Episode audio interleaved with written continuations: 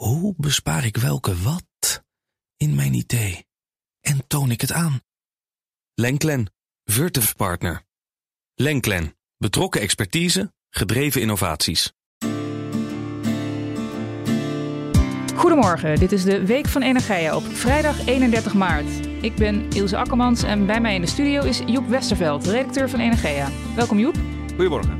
We hebben het deze week over het Nationaal Programma Verduurzaming Industrie, waarmee het kabinet alle sectoren uit de zware industrie in verduurzaamde vorm voor Nederland wil behouden. Niet alles kan tegelijk, dus het kabinet geeft voorrang aan de vijf grote clusters. Het zesde cluster, oftewel de overige energie-intensieve industrie in Nederland, is daar niet blij mee. Joep vertelt zo meteen waarom. Maar eerst kijk ik met hoofdredacteur Wouter Hielkema naar ander nieuws van deze week. En ook Wouter is hier bij ons in de studio. Goedemorgen Wouter. Goedemorgen Ilse. Welke onderwerpen vielen jou op in het energienieuws van deze week? Ten eerste, in Arnhem komt een proeftuin voor energieopslagbedrijven op Industriepark Kleefse Waard. Bedrijven kunnen daar nieuwe energieopslagsystemen testen in de praktijk. Dan de nieuwe regels voor de opzegvergoedingen. Die gaan niet op 1 april in, maar op 1 juni. Energieleveranciers hebben hun systemen niet op tijd klaar om die nieuwe regels eerder in te laten gaan. En de kosten van de aanleg van warmtenetten kunnen met 25% omlaag. Dat is een van de uitkomsten van het innovatieprogramma Warming Up. Oké, nou we beginnen met de proeftuin voor energieopslagbedrijven op het Arnhemse industriepark Kleefse Waard. Daar kunnen bedrijven zometeen nieuwe energieopslagsystemen testen. Wouter, de proeftuin is een initiatief van Connector, een innovatieve organisatie en brancheorganisatie Energy Storage NL. Het is de eerste in zijn soort en het moet een landelijke proeftuin worden. Waarom komt er eigenlijk zo'n proeftuin? Nou, eigenlijk zijn er twee redenen voor. Uh, innovatie injagen en technieken demonstreren. Innovatie rond energieopslag wordt steeds belangrijker. Dat zei Jeroen Neefs van Energy Storage NL tegen um, onze redacteur Sabine, die hierover schreef. Um, kijk, als je iets nieuws bedenkt, dan wil je het natuurlijk ook eventjes in een realistische omgeving testen. Nou, dat kan maar op heel weinig plekken op dit moment. En deze proeftuin op het industriepark Kleefse Waard, die is daar uh, geschikt voor. Daar kan je op een veilige manier kan je nieuwe dingen testen of dat, uh, of dat ook werkt in de praktijk. Nou, aan de andere kant wil je ook nieuwe systemen demonstreren aan mogelijke afnemers, bijvoorbeeld in de industrie, maar ook netbeheerders zouden graag willen weten wat er allemaal gebeurt op het gebied van opslag en flexibiliteit. Nou, dat kan ook eens een proeftuin. Het gaat eigenlijk om een uitbreiding van een bestaand testveld dat twee jaar geleden al is opge opgezet door Connector. Het veld wordt nu uitgebreid en ingericht voor testen van allerlei soorten energieopslagsystemen. Kosten die hiermee gemoeid zijn ongeveer 1 miljoen. En voor wie en waarvoor is de proeftuin vooral bedoeld? Nou, eigenlijk dus vooral voor bedrijven die innovatieve energieopslagsystemen ontwikkelen. Batterijsystemen hebben we het dan over, maar ook waterstof is een, uh, is een belangrijke uh, energiedrager waar, waarmee je energieopslag kan faciliteren. Mm -hmm. uh, het zijn vooral die twee die, die nu aan bod komen, elektriciteit en moleculen. In de toekomst komt daar misschien warmteopslag bij, vertelde Jeroen Neefs ons. Um, maar dat is complexer, dus we beginnen eventjes met elektriciteit en moleculen. Nou, zoals ik al zei, bedoeld om te testen en te demonstreren. Vooral nieuwe generatie batterijen, bijvoorbeeld flowbatterijen met een hele grote opslagcapaciteit, lange opslagduur.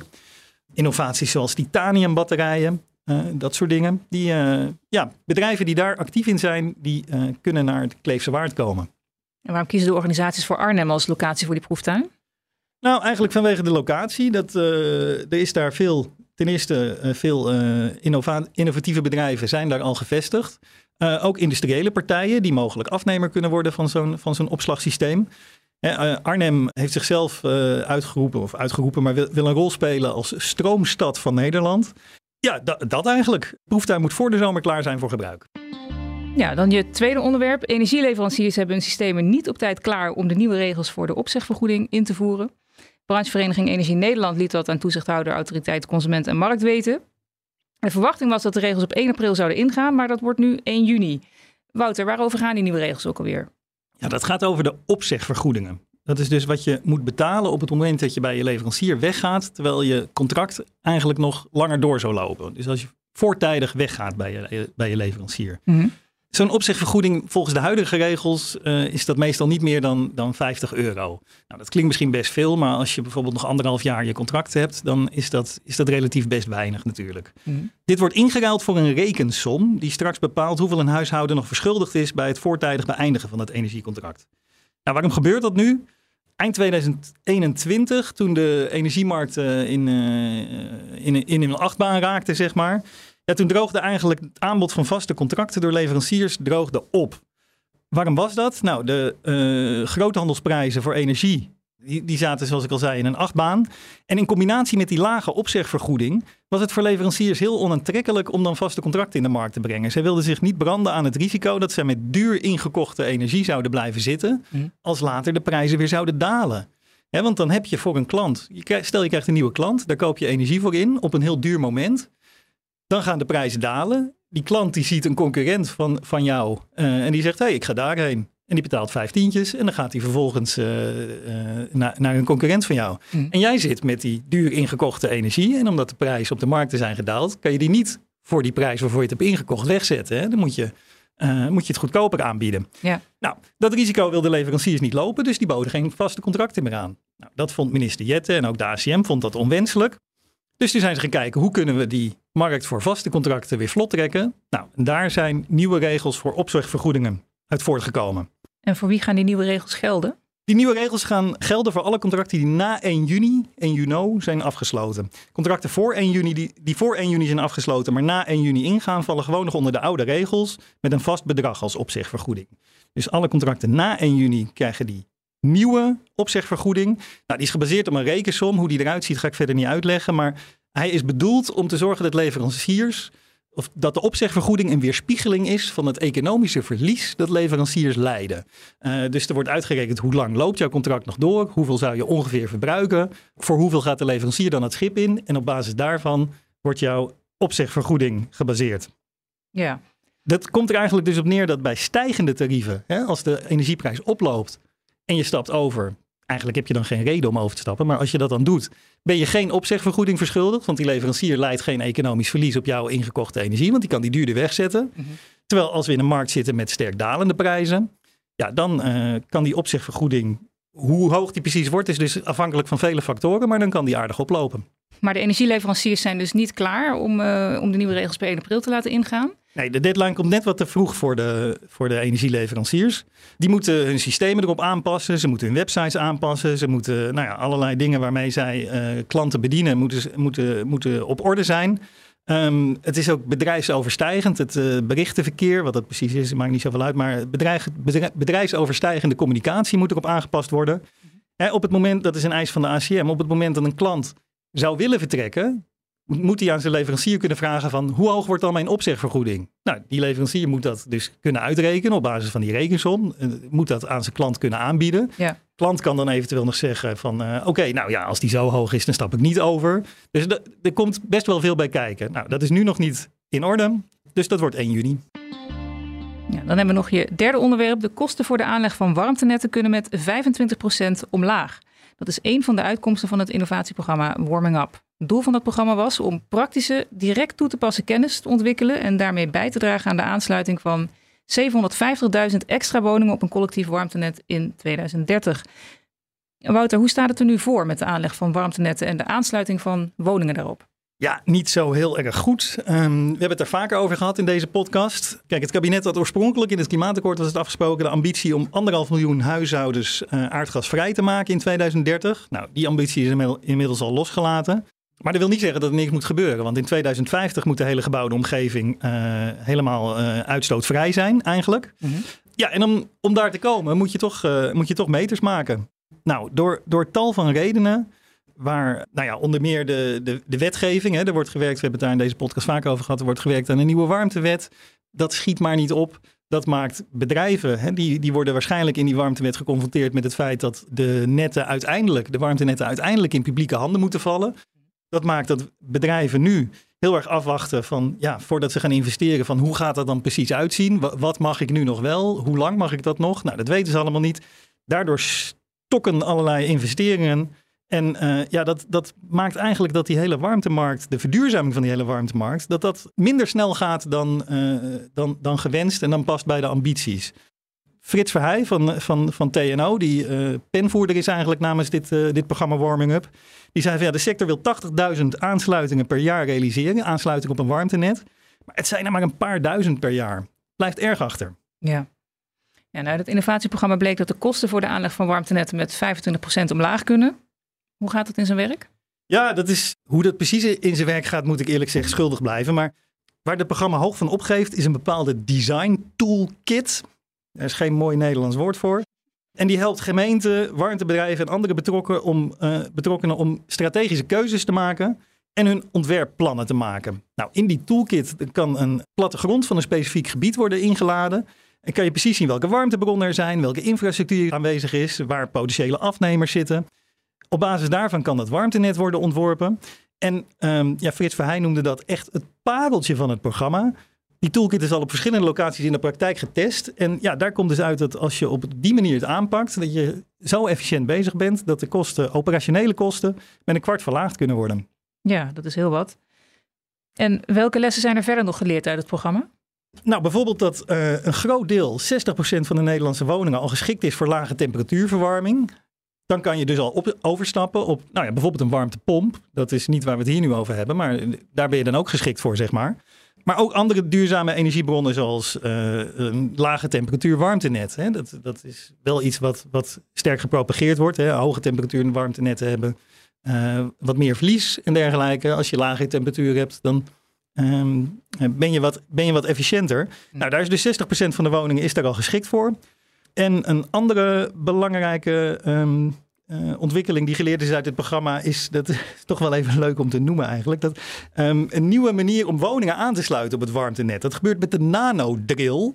En daarmee hoef je je tuin niet open te, open te scheppen. Je, je kan dan vanaf de straat, kan je met, met een nanodrill, een soort kleine boor stel ik me voor, kan je, kan je een huis aansluiten op de hoofdleiding van het warmtenet. Dat scheelt een hoop gedoe en maakt de aanleg sneller en scheelt weer kosten. Dankjewel, Wouter Hielkema. Met het Nationaal Programma Verduurzaming Industrie wil het kabinet alle sectoren uit de zware industrie in verduurzaamde vorm voor Nederland behouden. Niet alles kan tegelijk, dus het kabinet geeft voorrang aan de vijf grote clusters.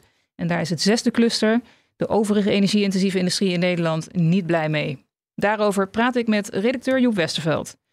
Joep, minister Mickey Adriaansens van Economische Zaken en Klimaat schreef een Kamerbrief waarin staat hoe ze de verduurzaming van de industrie wil versnellen. Daarin stond dat het kabinet voorrang wil geven aan die vijf grote clusters. Um, misschien is het goed om het eerst even te hebben over de achtergrond van die brief. Uh, ja, het is een lang verwachte brief eigenlijk wel. Uh, in november had ze deze al aangekondigd. Met eigenlijk twee doelen. Ten eerste uh, strakker sturing geven vanuit het kabinet op die energietransitie in de industrie. Want het is toch nog, nog steeds, het probleem bestaat al heel lang, maar het is nog steeds een probleem dat de plannen van netbeheerders en de plannen van industriebedrijven ja, die zitten nog steeds een beetje op elkaar te wachten. Mm Dus zij hadden al bedacht van oké, daar moeten we meer sturing aan eh, gaan geven. En ten tweede ook om een beetje meer een visie te ontwikkelen op wat voor economie willen we nu eigenlijk hebben in Nederland. Dat we zeggen in 2050. Zij werd daar ook een beetje door aangespoord door verschillende Kamerleden. Uh, nou, er zijn verschillende onderzoeken uh, ook uitgevoerd. Ze hebben ze laten uitvoeren en um, nu is het programma uh, gepresenteerd. En een van de conclusies daaruit, we kunnen straks even over die sturing wat dieper op ingaan, maar om even over bij de visie eerst te blijven, is dat er toch voor alle sectoren in de industrie wel toekomst is in Nederland. Mm -hmm. uh, dus ook echt de zware industrie. En dan heb je dus voornamelijk over vier sectoren. Dus de raffinaderijen, de chemie, de staal. Uh, Tata Steel is dat eigenlijk alleen. Mm -hmm. uh, en de kunstmestindustrie. ja, voor alles is eigenlijk wel, wel, wel, plek in Nederland, mits ze, ze verduurzamen. Um, ja, sterker nog, die, die, die brief die ze daarover schreef naar de Kamer is best wel positief. Ze spreekt echt over grote kansen voor de basisindustrie uh, in Nederland mm. om te komen tot uh, circulaire en emissiearme productie. Nederland heeft volgens haar als uitstekende uitgangspositie om internationaal koploper te worden in een klimaatneutrale en circulaire industrie. En ze wil dus eigenlijk geen sectoren aanwijzen, want er waren wel Kamerleden die haar toen een beetje daartoe aanspoorden. Van, hè, zijn er ook sectoren die we gewoon in de toekomstige economie niet meer nodig hebben, of die niet meer passen in, in, in het Nederland van wat we dan hebben. Nou, dat, dat wil ze dus eigenlijk niet doen. Ze zegt iedereen die, die zich uh, binnen die kaders uh, kan produceren, die kan in Nederland blijven. Graag zelfs. En wat was de reactie van de Tweede Kamer daarop? Nou, uh, er was wel wat kritiek, voornamelijk ook aan de linkerkant. Bijvoorbeeld Suzanne Kreuger van GroenLinks. Mm -hmm. Die zei van ja, dit programma dat stelt vooral wat kan in Nederland. Dat is iets anders dan wat wenselijk is. Mm -hmm. Zij had uh, eigenlijk meer uh, verwacht dat er een soort macro-economische analyse aan ten grondslag zou liggen. Dat, dat, die is er niet echt gekomen. Ja. zij verwees bijvoorbeeld ook naar de NAM. Dat is ook een van de twintig grootste uitstoters. Dus daar gaat het kabinet maatwerkafspraken mee maken. Nou, de NAM die wint olie in Schonebeek bijvoorbeeld. Dat is niet echt een activiteit waar GroenLinks in ieder geval graag uh, belastinggeld aan wil uitgeven om dat te vergroenen. Die, die, Mhm. zien dat gewoon het liefst uh, verdwijnen uh, uit Nederland. Ja. ja, en alle sectoren uit de zware industrie moeten dus in verduurzaamde vorm in Nederland kunnen blijven. Maar ze krijgen wel te maken met uitdagingen. Ja, enorme uitdagingen zelfs, in de woorden van uh, Adriaanses. Ja, dan gaat het toch over beschikbaarheid van hernieuwbare energie, vergunningen, infrastructuur. Mhm. en ook onzekerheden op het gebied van fysieke ruimte, stikstofruimte en beschikbaarheid van gekwalificeerd personeel.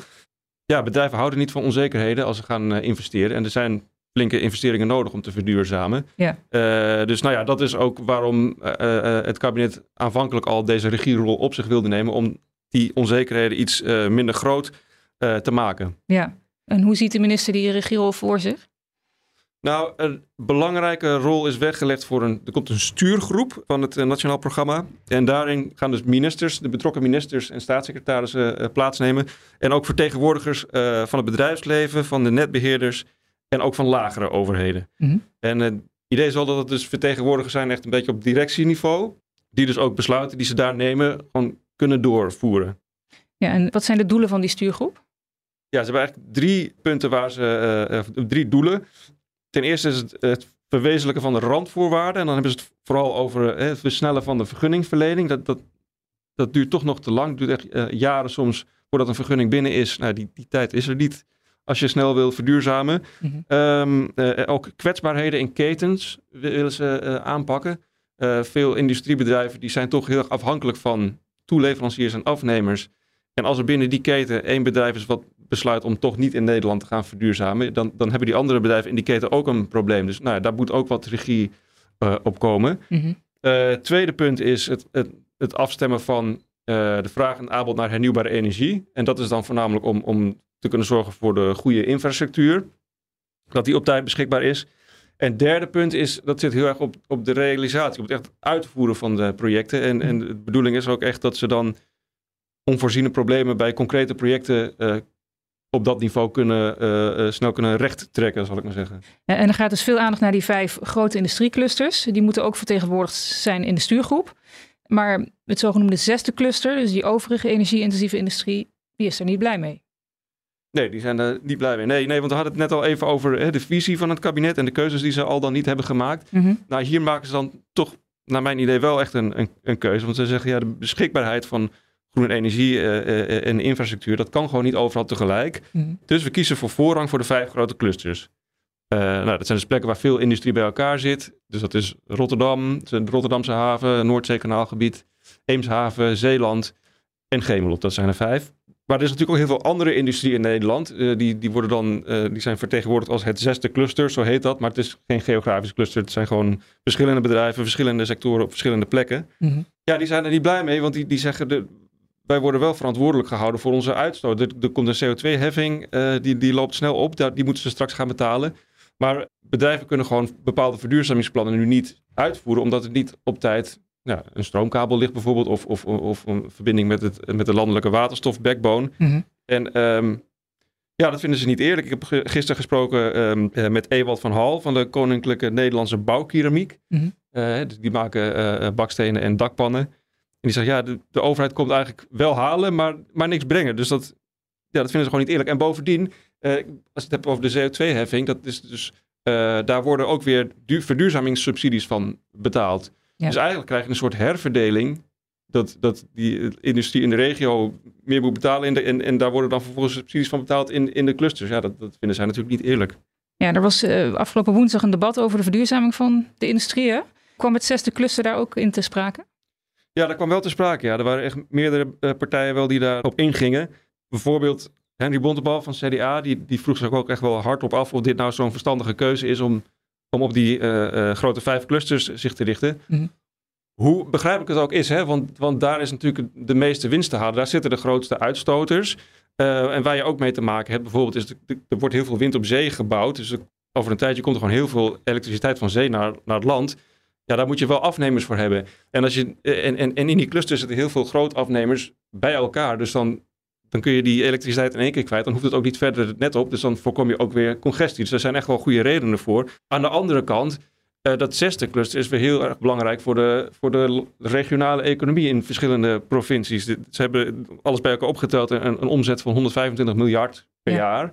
Uh, 210.000 banen uh, zijn bij die bedrijven. Dus ja, het zijn niet, niet echt kleine, kleine bedrijven of zo. Ja. Ja, Pieter Grimius van de ChristenUnie die, die zegt hetzelfde. Ja, die, het zesde cluster zorgt juist voor banen op plekken waar we dat graag willen hebben. Hij gaf ook nog een voorbeeld, dat is wel interessant om een beetje een beeld te krijgen bij hoe het dan gaat, uh, over uh, Kozen. Dat is een suikerfabriek, die zit in Brabant, uh, ook in Groningen trouwens. En die, die, hebben dan plannen om te verduurzamen door, door zeg maar, hun fabriek van het gas af te halen door middel van warmtepompen. Mm -hmm. Stel me voor dat dat waarschijnlijk naar meerdere warmtepompen, weet ik niet precies. Maar in ieder geval, zoals hij het dan vertelt, is het dat Kozen dan belt met de netbeheerder en zegt: Oké, wanneer kunnen we een vergrote aansluiting krijgen? En dan is het antwoord eigenlijk: bel na 2030 nog maar eens terug. Dan word je dus wel uh, het moeilijk gemaakt om te verduurzamen. En hoe reageerde minister Adriaanse op dit commentaar? Ja, zij zegt dat ze wel in gesprek is met het zesde cluster. Um, ze noemde ook wel het noodzakelijk dat het zesde cluster een rol krijgt in het uh, uh, nationale programma. Maar hoe die rol er precies uitziet is ook niet helemaal duidelijk. Er, er werd wel geopperd om, om het zesde cluster ook uh, een vertegenwoordiger te geven in die stuurgroep. Mm -hmm. want zoals nu het idee is dat er komen vijf vertegenwoordigers van het bedrijfsleven vanuit elk groot cluster één. Mm -hmm. En dan zou je daar bijvoorbeeld een zesde naast kunnen zetten namens het zesde cluster. Maar dat, dat is allemaal nog onzeker. Uh, minister Jette was ook aanwezig van Klimaat en Energie. Die benadrukte wel dat het is ook weer niet zo dat er niks gebeurt voor het zesde cluster. Er komen bijvoorbeeld nu de provinciale mix aan. Nou, dat zijn infrastructuurplannen die uh, uh, de speerpunten op het gebied van energieinfrastructuur in de provincies omschrijven. En dat is, dat is heel gebaseerd op de plannen van de industrie. Mm -hmm. en Jette die zegt, ja, dat is, soms werkt dat ook nog sneller dan nationale plannen. Hij gaf ook een voorbeeld. Uh, bijvoorbeeld in, in, Brabant heb je nu uh, problemen gehad met netcongestie. Nou, dan heb je bijvoorbeeld VDL. Die heeft dan een, een lasapparaat wat normaal gesproken uh, continu aanstaat. Dankzij die congestie hebben zij, zijn er erover na gaan denken van... Hey, is dat eigenlijk wel nodig? Dat lasapparaat wordt nu flexibel ingezet... waardoor zeg maar, de buurman toch een aansluiting kan krijgen... en VDL weer een soort nieuw verdienmodel heeft. Dus er zijn ook wel dingen mogelijk in de regio... zonder dat het kabinet daar zich per se mee bemoeit. Ja, maar de discussie is dus nog niet klaar. Nee, de discussie is zeker nog niet klaar. Uh, dat, dat werd gisteren ook wel benadrukt, ook door uh, uh, minister Adriaans bijvoorbeeld. dit is nog nooit eerder gebeurd. dus de, het, het, is geen blauwdruk die we even kunnen uitrollen met z'n allen. Dit, het is een proces waarin je steeds van alle kanten moet uitvinden van wat is het verstandig om te doen. Mm. Doen we nog steeds het goede? En nou ja, dus inderdaad, dit is nog geen, de discussie is nog niet klaar. Dankjewel, Joep Westerveld. Dit was de Week van Energia met de laatste ontwikkelingen in de Nederlandse energiesector. Op energia.nl lees je meer. We zijn benieuwd wat je van deze podcast vindt. Laat het ons weten via podcast.energia.nl. Mijn naam is Ilse Akkermans. Fijn dat je luisterde en tot volgende week. Hoe bespaar ik welke wat in mijn idee en toon ik het aan? Lenklen, Virtuf Partner. Lenklen. Betrokken expertise, gedreven innovaties.